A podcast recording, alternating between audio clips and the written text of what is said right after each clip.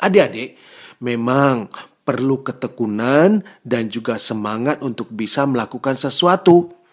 Contohnya, seperti yang Ibu Dina ajarkan kepada Danu tentang cara berpidato yang baik.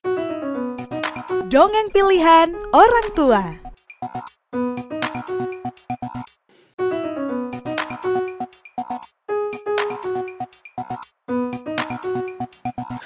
Halo adik-adik, wah senang sekali ketemu lagi dengan Paman Giri kali ini di kisah-kisah Nusantara bertutur. Paman Giri paling senang dengan anak-anak Indonesia yang tetap ceria, semangat, dan juga tekun serta pantang menyerah. Nah, adik-adik, apa yang Paman Giri sampaikan tadi tentang anak-anak Indonesia yang semangat dan pantang menyerah, ini tentu juga akan bisa kalian pelajari kalau kalian tahu kisah-kisah teman-teman kalian yang ada di seluruh penjuru Nusantara. Nah, kali ini di Nusantara Bertutur, Paman Giri akan menceritakan kisah yang ditulis oleh Salsabila Zaratusita Judulnya adalah Buah Ketekunan. Begini ceritanya. Ya, Paman Giri akan mengajak adik-adik untuk jalan-jalan kali ini. Ada yang tahu nggak? Ke ibu kota provinsi Jawa Tengah. Ada yang tahu di mana? Sema Ah betul. di Semarang ya.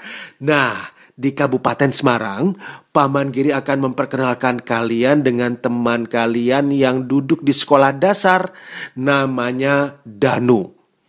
Suatu hari, Danu ini sedang berlatih bersama Ibu Dina, gurunya di sekolah.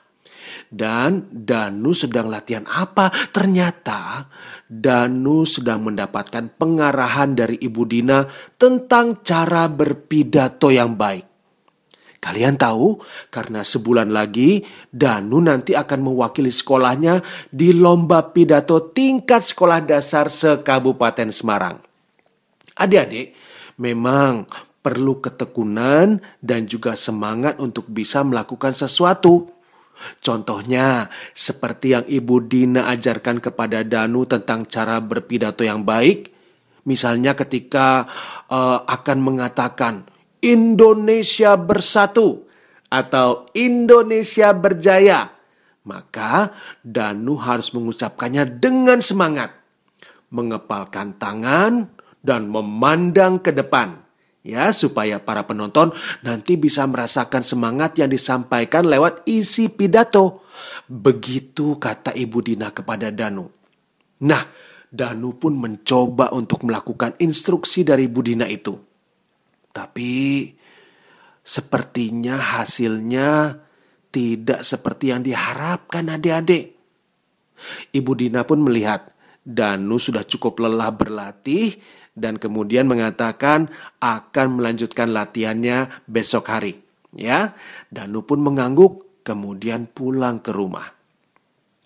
Pada hari itu, Danu kemudian bertemu dengan ayah dan Danu sempat menyampaikan apa yang ada dalam isi hatinya.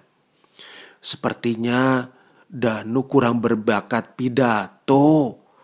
Karena dari tadi sejak latihan Danu selalu kena tegur dari Ibu Dina. Iya adik-adik, Danu mengeluh kepada ayahnya.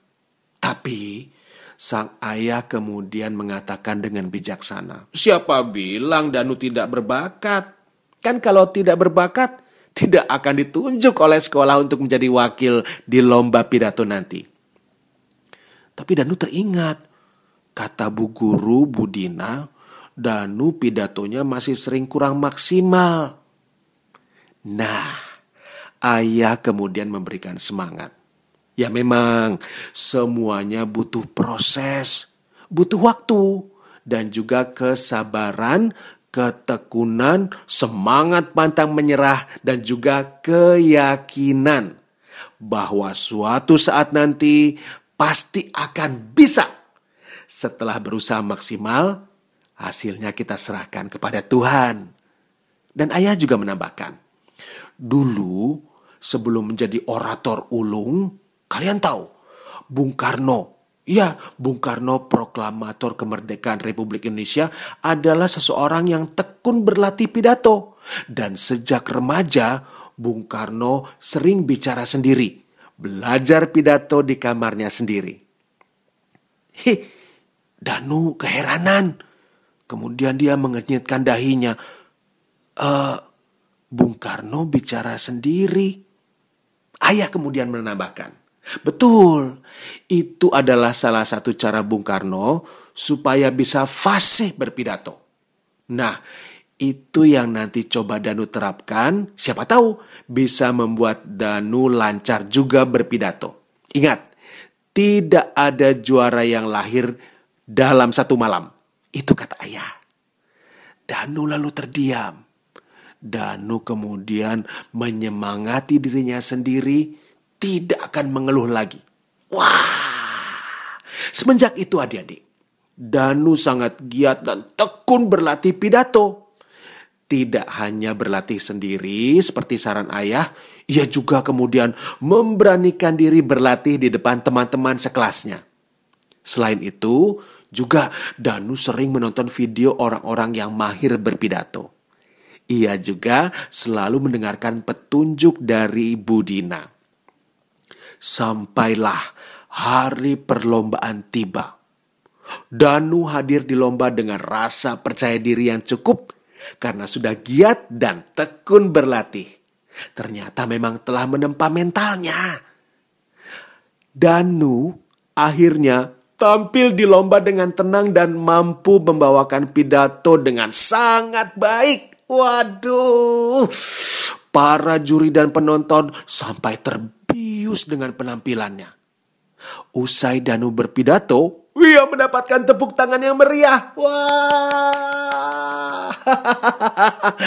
Dan saat pengumuman tiba, Danu berhasil menyabet juara ketiga. Budina dengan bangga kemudian memberikan ucapan selamat kepada Danu. Itulah hasil dari kerja kerasmu. Juga teman-teman Danu yang lain mengucapkan selamat. Danu dengan terharu kemudian juga mengucapkan terima kasih kepada Budina dan juga teman-temannya. Karena kini Danu telah memetik buah dari ketekunan dan kerja kerasnya selama ini. Itulah kisahnya adik-adik ya. Tulisan dari Salsabila Jaratus Shiva Judulnya Buah Ketekunan. Nah, sama juga dengan kalian. Tentu kalian juga adalah anak-anak Indonesia yang tekun berlatih sesuatu untuk bisa mencapai hasil yang terbaik. Selalu semangat dan juga jangan lupa untuk berdoa.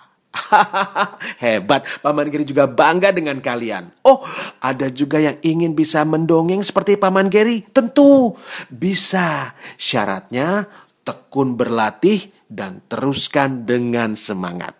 Itu apa yang akan Paman Geri sampaikan di kisah Nusantara bertutur kali ini. Jadi, anak-anak Indonesia yang semangat, sampai ketemu lagi dengan Paman Geri di kisah Nusantara bertutur berikutnya. Oh ya, jangan lupa, dari Paman Geri, salam humpala.